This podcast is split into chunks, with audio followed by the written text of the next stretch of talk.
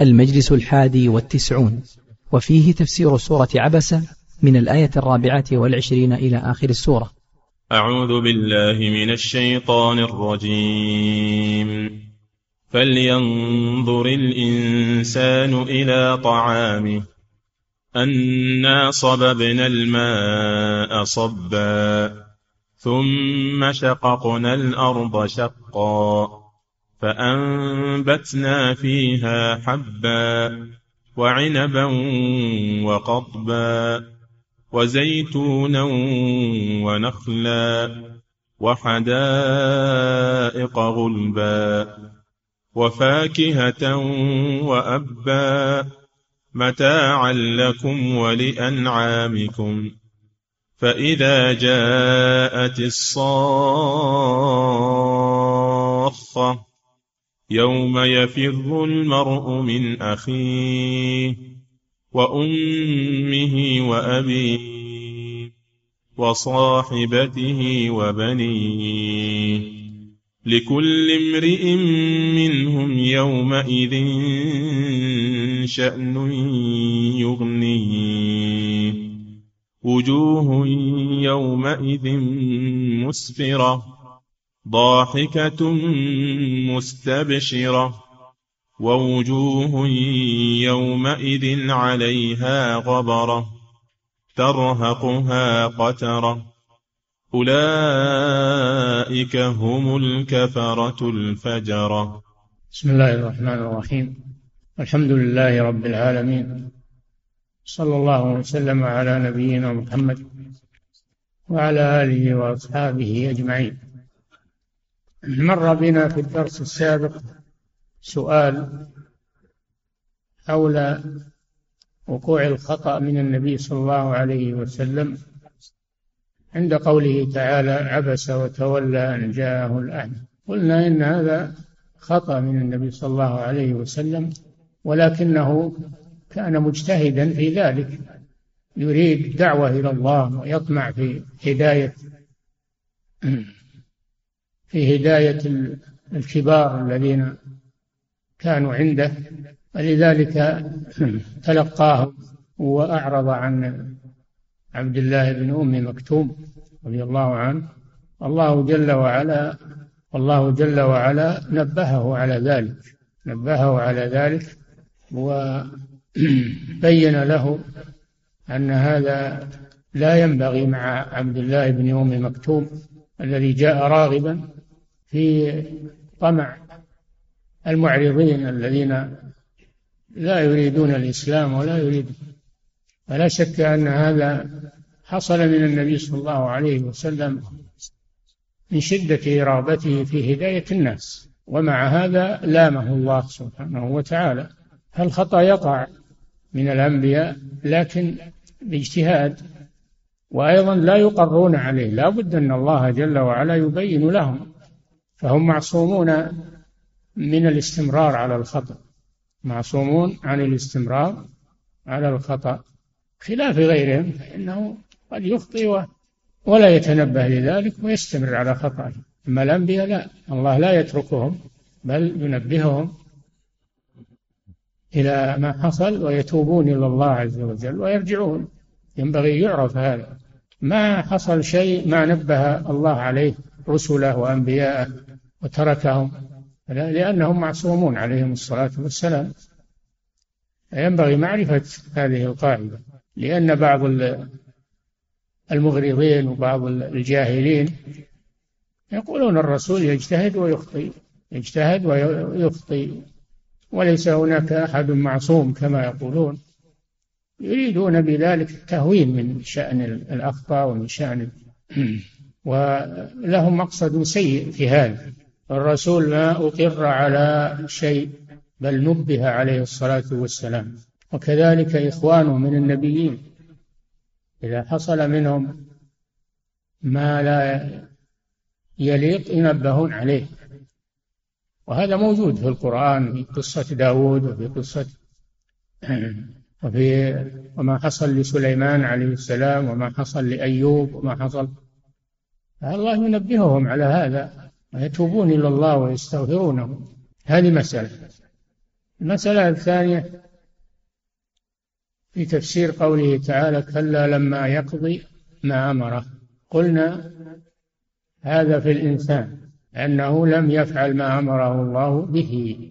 مع ما أنعم الله عليه فإنه لم يفعل ما أمره الله به. وهذا أحد التفسيرين في الآية. التفسير الثاني أن هذا راجع إلى الله. كلا لما يقضي الله ما أمره أي أمرا كونيا. لأن الله لا يزال يخلق بني آدم ويتتابع. فإذا تكامل بنو آدم عند ذلك بعثهم الله. إذا تكاملوا في الأرض في القبور بعثهم الله للجزاء والحساب. لما يقضي ما أمره الله يعني لم يتم الأجل الذي أراده الله جل وعلا للبشرية.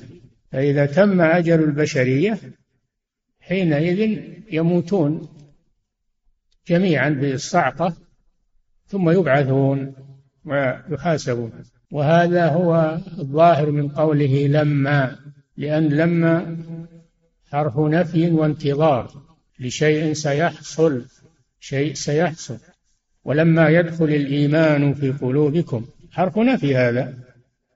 حرف نفي لكن ليس نفيا تاما.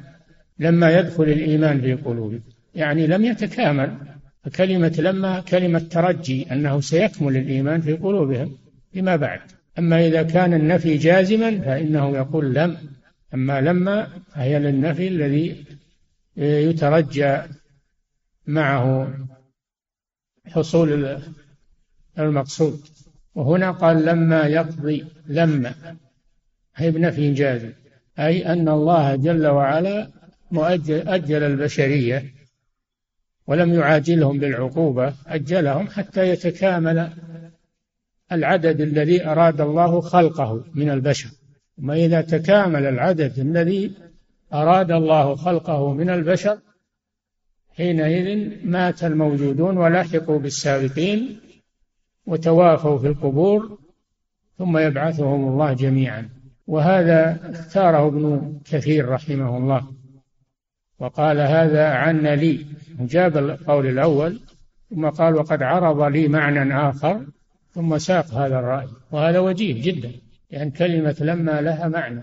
وأما قوله تعالى فلينظر الإنسان إلى طعامه الله يريد أن يبين آياته الدالة على منته ورحمته بعباده وإنعامه عليهم كيف أن الله رزقهم هذا الطعام الذي يتغذون به؟ من أين جاء هذا الطعام؟ أنا صببنا الماء صب ثم شققنا الأرض شق فأنبتنا فهذا الطعام الذي نأكله جاء من هذه الأسباب التي جعلها الله سبحانه وتعالى لوجود هذا الطعام. أنا صببنا الماء يعني المطر من السماء صبا أي قويا من أجل أن ينفذ في الأرض من أجل أن ينفذ في الأرض. فتخرج به البذور التي في الأرض تترطب بهذا بهذا الماء. ولو كان صبا هينا ما نفذ في الأرض وما أدرك البذور التي في باطنها. هذا من حكمة الله عز وجل أنه يصب المطر صبا قويا من أجل أن ينفذ في التربة ويدرك البذور التي فيها فتتحرك البذور وتنبت. أنا صببنا الماء صبا ثم شققنا الأرض لأن كانت الأرض مطبقة على هذه البذور. كانت الأرض مطبقة على هذه البذور وكانت هذه البذور من مندثرة فيها. ثم يشقها الله عن النبات يشقها الله عن النبات كما تشاهدون هذا. ثم شققنا الأرض بالنبات شقا فأنبتنا فيها في الأرض أنبتنا فيها حبا. الحبوب سائر الحبوب البر الشعير الذرة الدخن إلى آخره. أنبتنا فيها حبا وعنبا الشجر المعروف فاكهة. هذه منين جاءت؟ جاءت من الماء. وعنبا وقضبا. والقضب للدواب. القضب هو الذي يسميه الناس القت أو الرطبة الذي تأكله الدواب وعنبا فأنبتنا فيها حبا وعنبا وقضبا وزيتونا زيتون معروف الذي يوكل ويعصر يخرج منه الدهن دهن الزيتون الذي آه، يؤتدم به الطعام ويستصبح به السرج والأنوار هذا الزيتون فيؤكل حبه ويستصبح ويدهن ويؤتدم بزيته. تدم بزيته. وزيتونا ونخلا نخل معروف هي التمر. وزيتونا ونخلا وحدائق بساتين. الحدائق هي البساتين والجنات التي فيها الأشجار المختلفة. حدائق غلبة. فيها حد فيها فيها أشجار قوية صلبة كالنخل والشجر الطوال القوية هذا الغلب. الغلب هو القوي. الممتد. طويل. هذا الغلب. حدائق غلب. وفاكهة هذا عام. فاكهة هذه زيادة على الطعام. طعام الطعام لأجل بقاء الحياة والفاكهة هذه للترفه. هذه للترفه والتفكه من أنواع الفواكه التي لا يحصيها إلا الله سبحانه وتعالى. وأب الأب ما تأكله الدواب. ما تأكله الدواب يسمى بالأب. ثم قال بين الحكمة. فقال متاعا لكم. أي أنبتنا هذه النباتات وهذه الثمار وهذه الفواكه متاعا لكم أيها البشر تتمتعون بها. وأنبتنا هذا الأب والقضب لأنعامكم. والله جعل لنا ولأنعامنا ما نتغذى به متاعا لكم ولأنعامكم من الأعلاف المختلفة. والأعشاب وأنواع ما يخرجه الله للدواب إلى جانب ما يخرجه الله للآدميين. فهذا من آيات الله ومن نعمه التي يستوجب الشكر يستوجب على العبد أن يشكر الله عليها ويتذكرها ويتأمل فيها وليستدل بها على عظمة الله وقدرته سبحانه وتعالى ورحمته. بمخلوقاته فيذل لربه ويعبده ويخلص العبادة له لأن هذه الأمور لم يقدر عليها ولم يوجدها إلا الله. لا توجدها الأصنام وتوجدها القبور والأضرحة والأولياء والصالحين هذه ما يوجدها إلا الله سبحانه وتعالى. ولا أحد يدعي أن أحدا يوجدها غير الله. إذن فهو المستحق للعبادة والشكر سبحانه وتعالى دون سواه. ثم بين سبحانه وتعالى النهاية بعد هذه الدنيا وبعد هذه المآكل والمشارب والرفاهية في الدنيا. بين أن لها نهاية. متى؟ إذا جاءت الصاخة. الصاخة قيام الساعة. الصعقة الأولى والنفخة الأولى والثانية فإذا جاءت الصاخة سميت صاخة لشدة صوتها لأنها تصخ الأسماع بقوة صوتها. فإذا جاءت الصاخة ماذا يحدث عند الصاخة؟ إذا جاءت يفر المرء من أخيه وأمه وأبيه وصاحبته وبنيه. كل امرئ منهم يومئذ شأن يغني. هذا الذي يحدث عند مجيء الصاخة أنه يشتد الهول والخطر والخطر وكل لا يسأل إلا عن نفسه لا يسأل عن أقرب الناس إليه. ولو رآه لو رأى قريبه أو أباه أو أمه أو أخاه أو ابنه ما يستطيع أنه يساعده. ولا يستطيع قريبه أن يساعد لا أحد يستطيع أن يساعد الآخر. بل يفر منه. يفر منه ما يحب رؤيته لأنه لا يقدر على مساعدته وهو واقع في كرب عظيم. لا يحب أن أحد يطلع عليه في هذه الحالة فهو يفر. لكن هل له فرار؟ ما يستطيع. يوم يفر المرء من أخيه. لماذا بدأ بأخيه؟ قبل أبيه وأمه وصاحبته وهي زوجته. لماذا بدأ بالأخ؟ لأن الأخ هو الذي يساعد أخاه عند الشدائد لأن الله جعل في الأخ قوة يستطيع بها أن يساعد أخاه. في هذا اليوم ما ما فيه أحد يساعد أخاه. هذا في الدنيا. الإنسان في الدنيا قوي بإخوانه. فيهم قوة ويساعدونه لكن في الآخرة ما ما لهم مفعول. فر المرء من أخيه. لأن الأمر أمر معاونة ومساعدة. والأخ هو الذي يقدر على مساعدة أخيه في الشدائد. هو أقوى من الأب وأقوى من الأم وأقوى من الزوجة. لكن مع هذا ما ينفع في هذا الموقف. فر المرء من أخيه. وأمه وأبيه. هل هل هناك أشفق على الإنسان من أمه وأبيه؟ ها؟ الأخ لأنه يساعده والأم والأب لأنهما يشفقان عليه ويرحمانه غاية الرحمة لكن في هذا اليوم ما أحد يستطيع الأم ما تساعد ابنها والأب ما يساعد ابنه ولا فليس للرحمة مجال في هذا الموقف من أمه وأبيه وصاحبته التي هي زوجته وبنيه أولاده الذين كان يشفق عليهم ويشفقون عليه أيضا لا يساعد أحد أحد لا الأب مع الأبناء ولا الأبناء مع مع الأب. صاحبته زوجته وبنيه.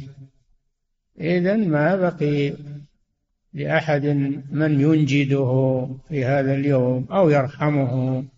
أو يعطف عليه في هذا اليوم. حتى الأنبياء أولو العزم.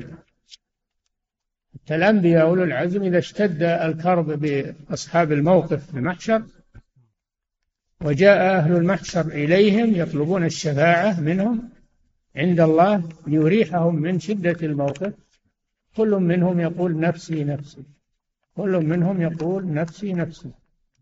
حتى إن عيسى عليه السلام يقول نفسي نفسي لا أسألك مريم. لا أسألك أمي مريم. نفسي نفسي. حتى ينتهوا إلى محمد صلى الله عليه وسلم. فيطلبون منه الشفاعة.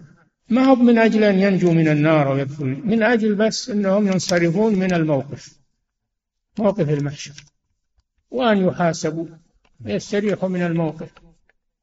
هذا مطلوبهم فمحمد صلى الله عليه وسلم يقول أنا لها أنا لها. ثم يأتي ويخر ساجدا بين يدي ربه ولا يزال ساجدا يدعو ربه ويثني عليه ويحمده حتى يقال له يا محمد ارفع رأسك وقل يسمع واشفع تشفع. يأذن الله له بالشفاعة فحينئذ يشفع في أن يريح الله البشر من المحشر وأن يحاسبهم كل يذهب إلى إلى مقره في الجنة أو النار فيقبل الله شفاعته. فهذا فهذا اليوم هائل جدا لا يتصوره متصور. ونحن في هذه الدنيا ساهون غافلون عنه ما كأنه أمامنا أو كأننا سنذهب إلى مكان آخر ونسلم منه. كأن لنا ملاجي ولنا محلات أو أننا ما نبعث ونبت الميتين. وهذا كله ما هو متعذر هذا. كله متعذر. لا بد من مواجهة هذا الموقف. كل أحد. لكل امرئ منهم أي من هؤلاء من الأخ والأبوين والزوجة والبنين لكل منهم شأن يغني مشغول بنفسه ولا يسأل غيره. أو يسأل عنه أو يساعده. لكل امرئ منهم يومئذ شأن يغنيه أي هول يشغله عن غيره. نسأل الله السلام. هذا لا بد منه. هذا لا بد منه. لكلنا لا بد منه لكلنا. ما أحد يتخلف عنه. كل امرئ يومئذ شأن كل امرئ منهم يومئذ شأن يغني ماذا تكون حال الناس؟ في هذا الكرب ينقسمون إلى قسمين. وجوه يومئذ مسفرة ضاحكة مستبشرة. ووجوه يومئذ عليها غبرة. المؤمنون والكفار. المؤمنون تكون وجوههم مسفرة بالنور والفرح والسرور. إذا لقوا جزاءهم وثوابهم عند الله ولقوا ربهم قرت عينهم بلقاء الله عز وجل. فرحوا بما أعد الله لهم. فتسفر وجوههم يظهر هذا على وجوههم. تشوفون الإنسان إذا فرح؟ ماذا يكون وجهه؟ أليس ترون على وجهه البشارة والنور؟ مع أنه شيء يسير في الدنيا لكن في الآخرة فوز عظيم. ونجاة من هذه الأهوال وهذه الأخطار ماذا يكون سرور المؤمن في هذا اليوم؟ وجوه يومئذ مسفرة. ومع إسفارها ضاحكة بدل ما يبكون ويحزنون يضحكون من الفرح والسرور. وجوه يومئذ مسفرة ضاحكة مستبشرة. مستبشرة بما أعد الله لها من الكرامة. لكن هذا نتيجة إيش؟ نتيجة الإهمال والنوم والكسل والشهوات. لا هذا نتيجة العمل الصالح في هذه الدنيا. هذه نتيجة العمل الصالح في هذه الدنيا. فلنستعد لهذا لهذا اليوم وهذا الهول بالأعمال الصالحة. ما دمنا في زمن الإمكان وما دمنا في زمن السعة. نستعد لهذا اليوم ولا ننساه لا ننساه ولا نغفل عنه بل يكون دائما لنا على بال وتصور. نكثر من تلاوة القرآن ليذكرنا بهذه الأهوال. لا نغفل عن القرآن أن القرآن ذكرى وموعظة. لا نغفل عن القرآن لا نبعد عن القرآن لأجل أن يذكرنا ويعظنا بهذا هذا الذي أمامنا. ويبين لنا طريق السلامة طريق الخلاص. هذا كله في القرآن الذي بين أيدينا. ما هو بالقرآن للترنيم والتلاوة والتجويد فقط؟ لا للتدبر للعمل للتذكر بهذا القرآن. ذكر بالقرآن من يخاف وعيد. ذكر بالقرآن من يخاف وعيدي هذا الشأن في القرآن العظيم. أو نتخذ القرآن حرفة نتكسب به. في المحافل وفي أو أو نتكسب به في الرقية والعزائم وما أشبه ذلك ونأخذ دراهم. لا نأخذ القرآن هداية نهتدي به نعمل به دليلا لنا وحجة لنا عند الله سبحانه وتعالى. فالله ما ترك لنا عذرا ولا ترك لنا حجة. بعد هذا القرآن العظيم الذي كما ترون يسره الله بيد كل واحد يد الكبير والصغير و... وبيد كل أحد بالبيوت في المساجد في المدارس في السيارات يسر القرآن مد يدك بس خذ المصحف. هذا من تيسير الله ولقد يسرنا القرآن. يسرنا القرآن للذكر فهل من مدكر؟ ووجوه يومئذ هذا القسم الثاني. وجوه يومئذ يوم القيامة في هذه الأحوال عليها غبرة عليها غبرة يعلوها الغبار والعياذ بالله.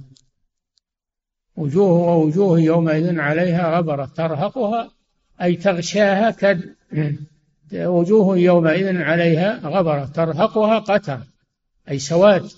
قترة يعني سواد تسود وجوه الكفار والمجرمين.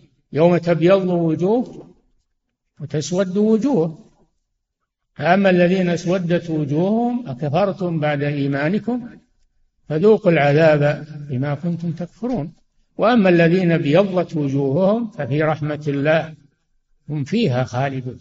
تبيض وجوه تسود وجوه عليها غبرة بدل الوجوه المستبشرة النيرة الضاحكة هذه عليها غبرة والعياذ بالله مغبرة. ترهقها قترة أي سواد. ويوم تقو وترى ترى الذين كذبوا على الله وجوههم مسودة. أليس في جهنم مثوى للمتكبرين؟ وجوههم مسودة. ووجوه يومئذ عليها غبرة ترهقها قترة. من هم هؤلاء؟ أولئك هم الكفرة الفجرة. الكفرة الفجرة الكفرة بنعم الله؟ الفجرة في أفعالهم السيئة بالفسوق والعصيان. نعم. فهم كفرة بنعم الله فجرة في أعمالهم فجرة في أعمالهم السيئة ومعاصيهم. هؤلاء هم الذين تكون يوم القيامة يكون على وجوههم يكون عليها غبرة. ترهقها قترة هم الكفرة الفجرة والعياذ بالله. فجرة كفرة في الاعتقاد فجرة في الأعمال والأفعال. هذا مآلهم ومردهم. فهذه سورة عظيمة تذكرة وموعظة. كأنك تشاهد كأنك تشاهد الحال في هذا الموقف. ما ليس خفيا. بيان هذا القرآن القرآن تبيان لكل شيء تبيان لكل شيء. يبين لك الأشياء على حقيقته كأنك تشاهد الماضي والمستقبل. كأنك تنظر إلى الأمم والرسل وما يحصل في الماضي. كأنك تحصل إلى العالم في المستقبل. ماذا يحصل لهم؟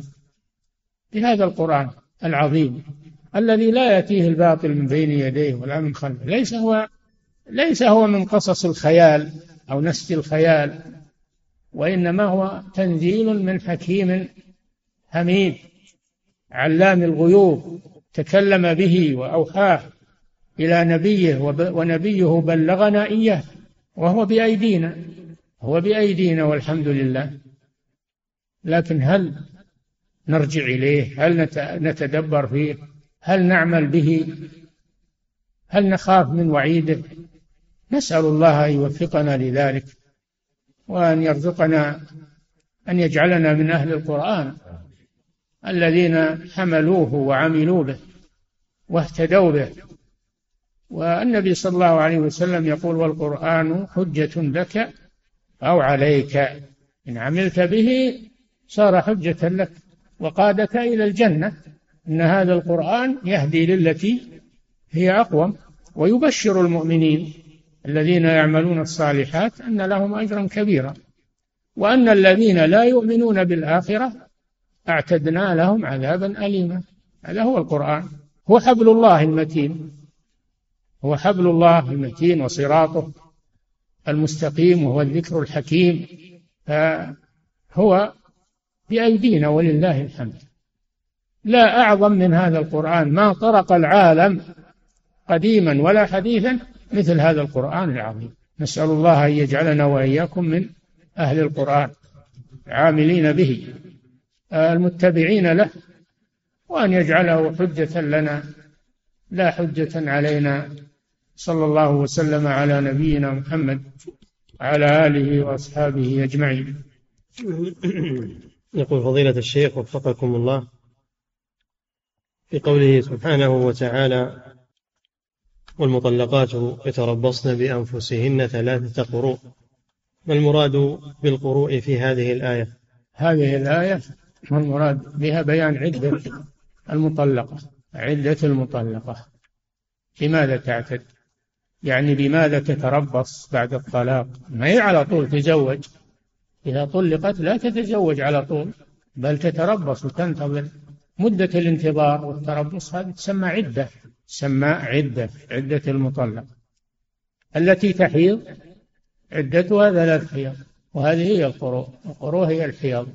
والتي لا تحيض لكبر أو أنها لم تبلغ سن المحيض تحتد بثلاثة أشهر تعتد بثلاثة أشهر بدل الحيض. هذا قول عليه جمهور من العلماء. والقول الأول أو القول الثاني أن القروء هي الأطهار التي بين الحيضتين بين الحيض. ولا منافاة بين القولين أطهار أو حيض. المهم لأنه يلزم من ثلاثة أطهار ثلاث حيض أيضا. ويلزم من ثلاث حيض ثلاثة أطهار. فهذا من اختلاف التنوع وليس من اختلاف التضاد والحمد لله. نعم. يقول فضيلة الشيخ وفقكم الله. ما أفضل الطرق لتفسير القرآن الكريم؟ تفسير الرسول صلى الله عليه وسلم تفسير القرآن بالقرآن القرآن يفسر بعضه بعضا فما أجمل في موضع يبين في موضع آخر وما أطلق يقيد في موضع آخر. فالقرآن يفسر بعضه بعضا وما كان منسوخا يبين الناسخ في موضع آخر. هذه علوم القرآن. علوم القرآن. بعد القرآن سنة الرسول صلى الله عليه وسلم الذي أنزل عليه القرآن. يبين للناس ما نزل إليهم. فمن الأحاديث نأخذ تفسير القرآن من تفسير الرسول صلى الله عليه وسلم. ما وجدنا في القرآن ولا في الأحاديث تفسيرا. نرجع إلى تفسير الصحابة. لأن الصحابة تتلمذوا على الرسول صلى الله عليه وسلم. وحملوا القرآن وتفسيره عنه. فنرجع إلى تفسير الصحابة. ما وجدنا في في كلام الصحابة تفسيرا؟ نرجع إلى تفسير التابعين. تلاميذ الصحابة. لأنهم أخذوا عن الصحابة والصحابة أخذوا عن الرسول صلى الله عليه وسلم. هذه وجوه التفسير الصحيحة. نعم. يقول فضيلة الشيخ وفقكم الله. فإذا قرأتم تفسير ابن جرير تفسير البغوي وتفسير ابن كثير وجدتم أنهم يمشون على هذا النمط يمشون على هذا النمط. نعم. فضيلة الشيخ وفقكم الله أهل القرآن الذين هم أهل الله وخاصته هل هم الحفظة للقرآن فقط أم هم يقول أهل القرآن الذين هم أهل الله وخاصته هل هم الحفظة للقرآن أم يدخل فيهم من لم يحفظه وعمل به؟ ما في شك أن أهل القرآن هم الذين يعملون به سواء حفظوه أو لم يحفظوه فأهله هم العاملون به. أما من يحفظه ولا يعمل به هذا ليس من أهله. وجاء في الحديث الصحيح أن قوما يأتون في آخر الزمان يقرؤون القرآن ولا يتجاوز حناجرهم. ما يتدبرونه ولا وإنما يقرؤونه حرفة ومهنة فقط تباهيا بالأصوات والقراءات ولا يعتنون بمعانيه وتفسيره ويعملون به لا حول ولا قوة إلا بالله. يقيمون القراءة إقامة السهم من العناية لكن لا يجاوز حناجرهم. مصيبة جدا. نعم. قل فضيلة الشيخ وفقكم الله. بعض الناس يمر عليه اليوم واليومان وهو لم يقرأ شيئا من القرآن ما عدا الصلاة فما نصيحتكم لهؤلاء؟ وهل ذلك نفاق؟ هذا جفا ما هو نفاق إن شاء الله لكن جفا هذا جفا للقرآن وهجر هجر للقرآن يجعل المسلم له حظا من القرآن في كل يوم ولو ما ولو لم يكن كثيرا. يجعل له حظ من القراءة من القرآن يقرأه كل يوم حتى يحفظ القرآن حتى يختم حتى يختم القرآن كله. ولا ينبغي أن أن يزيد عن شهر ما ختم القرآن. أن يختم القرآن في كل شهر. هذا على الأقل. نعم. يقول فضيلة الشيخ وفقكم الله هل الذين تسود وجوههم هم الكفار أم أيضا يدخل فيهم أصحاب المعاصي؟ الكفار هم الذين تسود وجوههم اسودادا خالصا والعياذ بالله ولا الاسوداد لا يزول. أما أهل المعاصي فقد تسود وجوههم بعض الشيء ثم تبيض بعد ذلك. نعم. يقول فضيلة الشيخ وفقكم الله ما حكم إمامة من يلحن في الآيات في الفاتحة فيقلب الذال إلى زاي في صراط الذين أنعمت عليهم يقلب الذال إلى زاي؟ صراط الذين يقول اللزينة بالزاي. ما يصلح ما يصلح يقرأ باللهجة العامية.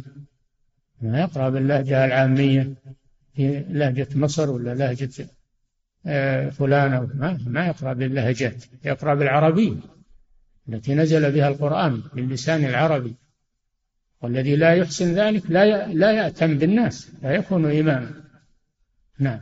يقول فضيلة الشيخ وفقكم الله ما تفسير قوله سبحانه وإن لوطا لمن المرسلين نجيناه وأهله أجمعين إلا عجوزا في الغابرين.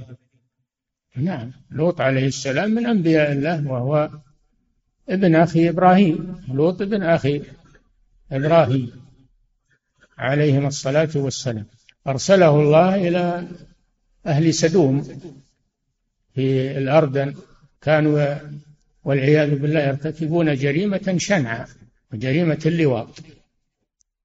فنهاهم عن ذلك نهاهم عن ذلك أنكر عليهم غاية الإنكار. تذرون ما تأتون الذكران من العالمين تذرون ما خلق لكم ربكم من أزواجكم بل أنتم قوم عادون. وأتأتون الفاحشة ما سبقكم بها من أحد من العالمين؟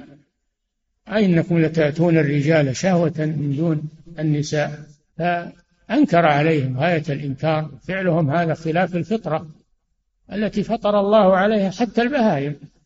بهائم ما يعلو الذكر على الذكر منه أبدا. فطرة. لكن هؤلاء انتكست فطرتهم والعياذ بالله. فحصلت منهم هذه الجريمة وعابوا على لوط. وأهله أنهم يتطهرون. اللي ما. اللي ما يفعل هذه الجريمة عندهم يتطهر. سبحان الله انطقهم الله بالحق أن لوطا عليه السلام وأهله يتطهرون. أخرجوهم من قريتكم. وش ذنبهم؟ إنهم أناس يتطهرون. وهل الذي يتطهر يخرج؟ لكن هذا من انتكاس الفطر والعياذ بالله. يتطهرون يعني عن الجريمة. دل على أن هذه الجريمة نجاسة قذرة. فلما أبوا أن ينتهوا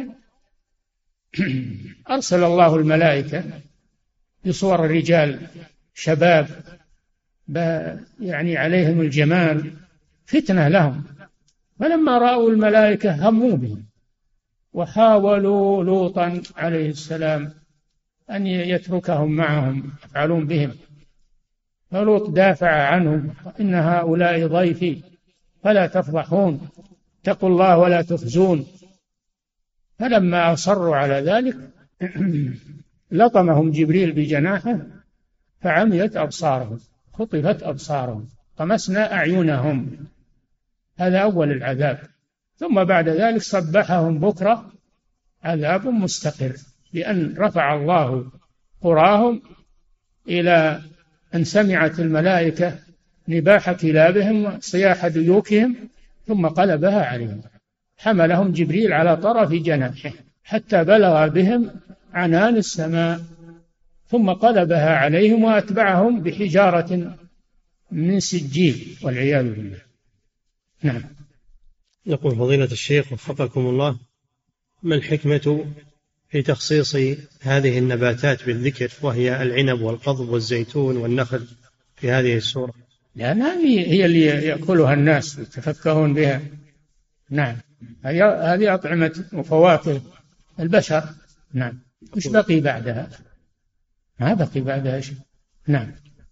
يقول فضيلة الشيخ وفقكم الله بقوله سبحانه وتعالى في صحف مكرمة مرفوعة مطهرة هل المراد بهاتين الآيتين القرآن الذي هو مكتوب في اللوح المحفوظ؟ نعم بلا شك أنه القرآن. لا شك أنه القرآن. القرآن محفوظ في الصدور ومكتوب في اللوح المحفوظ ومكتوب في المصاحف. نعم. يقول فضيلة الشيخ وفقكم الله. هذا من عناية الله بهذا القرآن. من عناية الله بهذا القرآن العظيم. نعم. يقول فضيلة الشيخ وفقكم الله ما الحكمة في تقديم ذكر الإبل على بناء السماء في قوله أفلا ينظرون إلى الإبل كيف خلقت؟ لأنها أقرب شيء للناس أقرب شيء من الآيات للناس بأيديهم الإبل. وخلقة البعير آية من آيات الله إذا تأملتها. نعم. يقول فضيلة الشيخ وفقكم الله ما تفسير هذه الآية؟ هي قوله سبحانه وكلهم آتيه يوم القيامة فردا. هل هو عند الحساب؟ فكل شخص يحاسبه الله فردا أي على حدة؟ نعم. كلهم يلقى ربه فردا ليس معه مال وليس معه أقارب وليس معه سلطة وليس معه ما معه شيء أبد إلا عمله. خيرا كان أو شرا. ولا يأتونه جماعات يأتونه فرادى. لقد أحصاهم وعدهم عدا. كلهم آتيه يوم القيامة فردا نعم. ما معنى شيء. نعم. إلا عمله. ولقد جئتمونا فرادا كما خلقناكم أول مرة. تركتم ما خولناكم وراء ظهوركم. وما نرى معكم شفعاءكم الذين زعمتم أنهم فيكم شركاء. الأصنام والأشجار والقبور والأضرحة والأولياء ما جو ما يروحون معهم يوم القيامة يخلصونهم مما يقعون فيه. نعم. يقول فضيلة الشيخ وفقكم الله. والتفسير الراجح في قوله سبحانه وتعالى عن لوط أنه قال هؤلاء بناتي هن أطهر لكم. بناته يعني نساء المؤمنين لأنها بنات للنبي. ما كان محمد أبا أحد من رجالكم ولكن رسول الله وخاتم النبيين. ف وفي قراءة النبي أولى بالمؤمنين من أنفسهم وأزواجه أمهاتهم. وفي قراءة وهو أبوهم. فبناته يعني في الإيمان والدين. نعم. يقول فضيلة الشيخ وفقكم الله يقول إننا نحبكم في الله فهل من وصية لي ولمن يأتون من قارات بعيدة بحثا عن العلم وبحثا عن علماء السلف من وصية لهم في نشر العلم في بلدانهم وعدم كتمانه؟ نعم. هذا واجب عليهم. العلم أمانة. حملك الله إياه أمانة؟ من أجل أن تعمل به وأن تبلغه لغيرك. ولولا نفر من كل فرقة منهم طائفة ليتفقهوا في الدين ولينذروا قومهم إذا رجعوا إليهم لعلهم يحذرون. هذا هو المطلوب من تعلم العلم أن تعمل به وأن تعلمه لغيرك وليس لك هو هو أمانة عندك. حمل حملك الله إياه. نعم. يقول فضيلة الشيخ وفقكم الله هل السنة المطهرة التي جاءت عن النبي صلى الله عليه وسلم جاءت وحيا من الله أم هي حكمة من الله وإلهام إلى النبي صلى الله عليه وسلم ولم يكن جبريل واسطة في ذلك؟ بلا شك أن السنة أنها من الله. وحي قال تعالى وما ينطق عن الهوى إن هو إلا وحي يوحى. إن هو إلا وحي يوحى يوحى من الله. والغالب أنه بواسطة الملك وقد يكون إلهاما من الله يلقيه الله في روع آه، النبي صلى الله عليه وسلم. والحاصل أنه وحي من الله. الألفاظ من الرسول والمعنى من الله عز وجل. نعم. يقول فضيلة الشيخ وفقكم الله هل يجوز سفر المرأة من جدة إلى مكة بدون محرم لأنه جاء كلام أن ما بين جدة ومكة ليس مسافة كبيرة فلا يقال إنه سفر. إذا أمنت على نفسها إذا أمنت على نفسها فليس بسفر. أما إذا لم تأمن على نفسها أو تسافر مع سائق أجنبي وحدها هذه خلوة ولا تجوز. إذا أمنت على نفسها إن كانت مع جماعة من النساء أو في سيارة فيها ناس كثيرون. فلا مانع من ذلك لأن هذا ليس بسفر. نعم. ولكن وجود المحرم معها ما في شك انه أحوط وأحسن. ربما تعطل بالطريق ربما يصيبها شيء من الذي يتولاها. نعم. يقول فضيلة الشيخ وفقكم الله الزوج الذي يمنع زوجته من التجارة التي تحتاج فيها إلى أن تكلم الرجال. غير المحارم. فهل يغلط في منعه لها؟ نعم. يقول الزوج الذي يمنع زوجته من التجارة التي تحتاج فيها إلى أن تكلم الرجال غير المحارم هل منعه لها يكون خطأ؟ اتجار المرأة وخروجها للسوق لا يكون إلا بأمرين. الأمر الأول ألا أن, تعمل عمل البيت ولا يبقى عمل معطل في البيت. لأن عمل البيت هو عملها. فلا يبقى في البيت عمل معطل تخرج وتتركه هذا أولا. ثانيا لابد من طاعة الزوج. لا تخرج إلا بإذنه. لا تخرج من بيته إلا بإذنه. فإذا توفر الشرطان جاز لها تخرج وأن تبيع وتشتري. وأما تكليم الرجال للحاجة سؤال عن علم سؤال عن مسألة سؤال عن حاجة ما فيها ريبة ولا خضوع بالقول. ولا ما يسمونه المغازل وإطماع أصحاب الشهوات كلام العادي لا بأس به للحاجة نعم. يقول فضيلة الشيخ وفقكم الله ما الجمع بين تفسير بعض السلف للأب وبين ما ورد من. هو بالأب؟ الأب بالتشديد نعم. ما الجمع بين تفسير بعض السلف للأب وامتناع وبين ما ورد من امتناع أبي بكر وعمر رضي الله عنهما عن تفسيره كما ورد ذلك في كتب التفسير. امتنع لأنهما لا يعرفان معنى الأب لا يعرفان معنى الأب. بينما غيرهم يعرف هذا. هم امتنعوا لأنهم لا يعرفون معنى الأب. هذا دليل على أن الإنسان إذا لم يعرف معنى الآية أنه لا يتخرص يتكلم. نعم.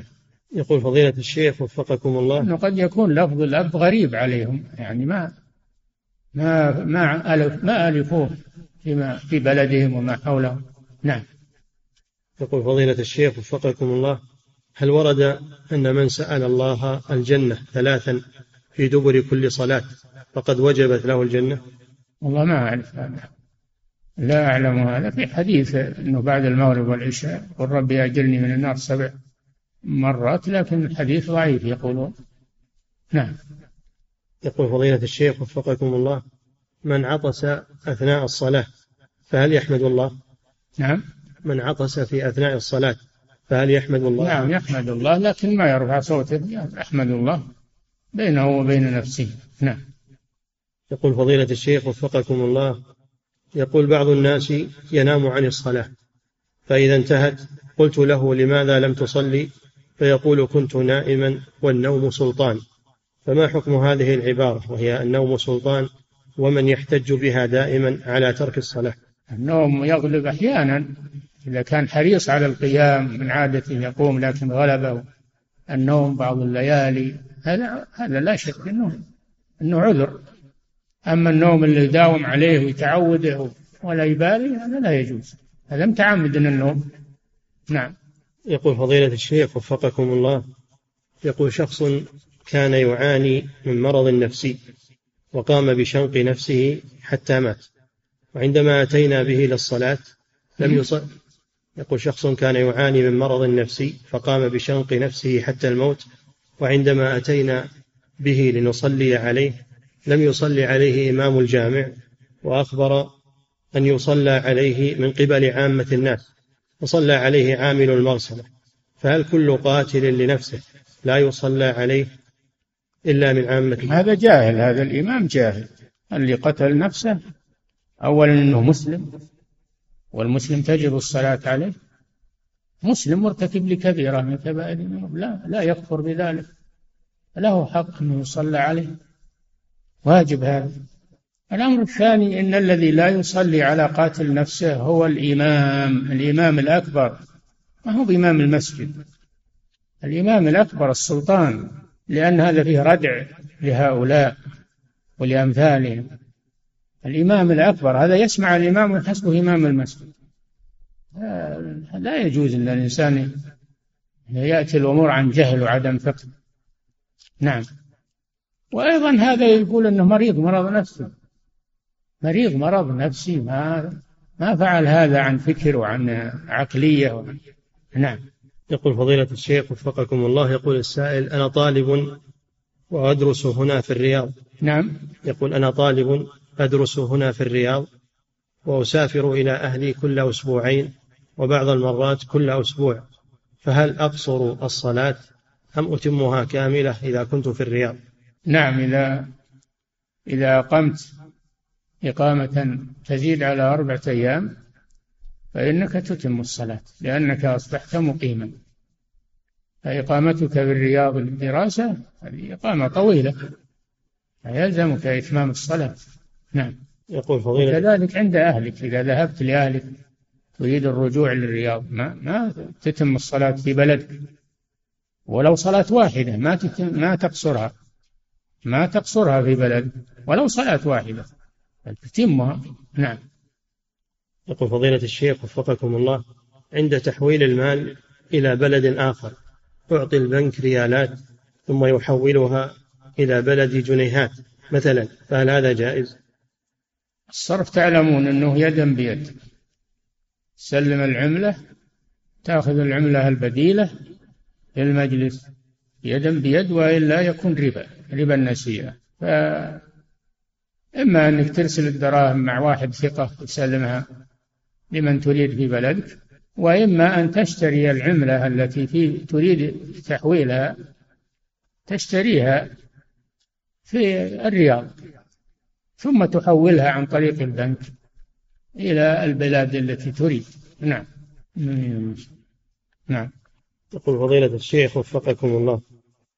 يقول قريب لي يريد أن يعمل في بطاقات سوى للاتصالات فيشتريها نقدا بقيمة أربعة آلاف وثمانمائة ريال ثم يبيعها بالتقسيط بقيمة ثمانية آلاف ريال مع العلم أن لهذه البطاقات تاريخ وتنقضي ولو لم يستعمل كل الرصيد الموجود فهل يجوز هذا؟ هذا فيه إشكال لكن يشتري قدر اللي يستنفذ في المدة المحددة ما يشتري بطاقات كثيرة تخرج عن المدة يشتري بقدر ما يصرفه في المدة ويسلم من الإشكال. نعم. يقول فضيلة الشيخ وفقكم الله هل الدعاء للأموات الاستغفار لهم في السجود في التشهد الأخير جائز؟ نعم. جائز في السجود وفي التشهد الأخير. تدعو لهم مع نفسك تدعو لنفسك ولوالديك وللمسلمين. فضل الله واسع. نعم. يقول فضيلة الشيخ وفقكم الله في الأذكار الواردة بعد الصلاة أقول سبحان الله والحمد لله والله أكبر ثلاثة وثلاثين مرة. فهل هذا صحيح؟ أم أقول سبحان الله ثلاثة وثلاثين ثم الحمد لله ثلاثة وثلاثين وهكذا؟ كله جائز. طريقتان جائزتان. الحمد لله ما في بأس. نعم.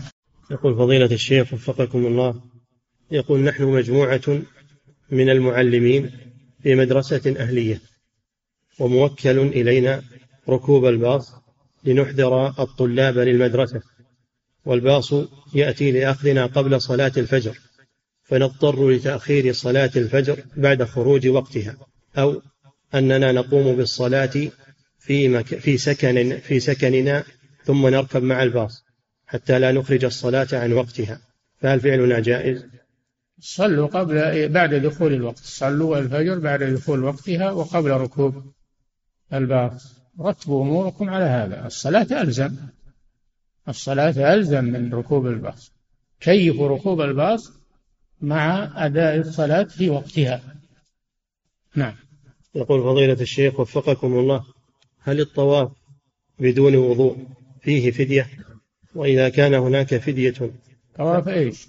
ما حدد شيء كان طواف إفاضة هو ما تكفي الفدية لابد من من أدائه. لابد من أدائه ولو تأخر يرجع ويؤديه.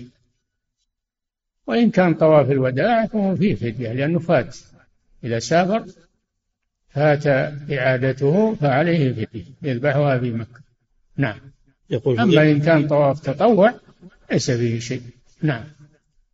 يقول فضيلة الشيخ وفقكم الله ما حكم قول عبارات التهنئة بمناسبة ما يسمى بعيد الكريسماس أو رأس السنة حيث إن بعضا من المسلمين يحتفلون بهذا اليوم أو يهنئون الكفار. هذا حرام ولا يجوز للمسلمين أن يشاركوا الكفار في أعيادهم ولا يحضرونها ولا يهنئون يهنئونهم بها ولا يأكلون من الطعام المصنوع فيها ولا يهدون لهم هدايا ولا يقبلون هداياهم فيها. لأن هذا إعانة لهم على الباطل. والله سمى أعياد الكفار بالزور. الذين لا يشهدون الزور أي أعياد الكفار. فيجب على المسلم أن يتجنب هذه الأمور ولا يجامل في دينه أو يداهن في دينه. نعم. حتى الأعياد المبتدعة عند المسلمين مثل عيد المولد لا يجوز أن نشارك فيها ولا أن نحضرها ولا أن نهنئهم بها لأنها مبتدعة نعم. يقول فضيلة الشيخ وفقكم الله يقول السائل توفيت عمتي ودفنت اليوم بعد صلاة العصر بمدينة جدة فهل يجوز أن نصلي عليها صلاة الغائب أنا وزوجتي؟ ما في مانع لا بأس. نظرا لأنها جدتك قريبة منك تريد لها الأجر والثواب ما في مانع إن شاء الله. نعم. يقول فضيلة الشيخ وفقكم الله بعض أقاربي يوجد في منزلهم كلب ويقولون نحن نحتاج إليه في الحراسة علما بأن بيتهم كبير فهل ننكر عليهم أو نتركهم؟ الحراسة إنما وردت في حراسة الماشية حراسة الزرع أو الماشية.